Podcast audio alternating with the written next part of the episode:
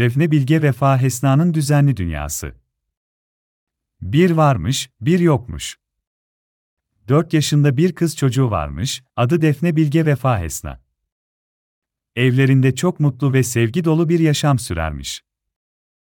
Defne'nin en yakın arkadaşı annesi Vefa Hesna ve en sevdiği oyun arkadaşları oyuncak bebeği ile oyuncak ayısıymış. Günlerden bir gün, Defne'nin en sevdiği oyuncakları, oyuncak bebeği ve ayısı, ortadan kaybolmuş. Defne onları arar ama bulamazmış. O zaman düşünmüş, belki de oyun oynarken bir yere koydum ve şimdi nerede olduğunu hatırlamıyorum. Sonra annesi Vefa Hesna'ya danışmış. Annesi ona Defne, belki de oyuncağını bulamamanın nedeni, oyun oynadıktan sonra oyuncaklarını toplamaman olabilir. Eğer her şeyin bir yerinin olursa, bir şeyler kaybolduğunda onları bulmak daha kolay olur, demiş. Defne bu durum üzerine düşünmüş ve annesinin dediklerinin doğru olduğunu anlamış. Eşyalarını karışık bir şekilde bırakırsan, onları bulmak zorlaşır. O yüzden, düzenli olmanın önemini anlamış. Bir sonraki gün, Defne düzene karar vermiş.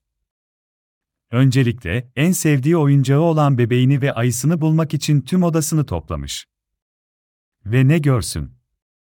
Oyuncakları yatağının altında kalmış. Defne çok sevinmiş ve onlara sarılmış.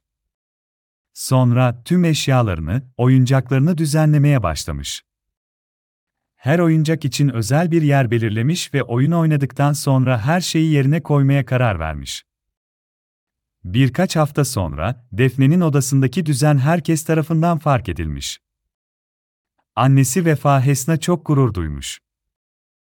Defne, senin bu düzenli oluşun beni çok mutlu ediyor, demiş.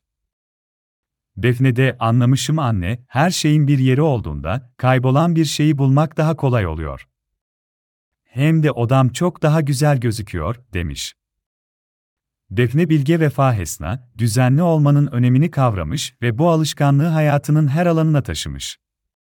Şimdi sadece kendi odası değil, tüm ev daha düzenli ve daha huzurlu. Hikayemiz burada biter ama Defne'nin düzenli dünyası her zaman devam eder.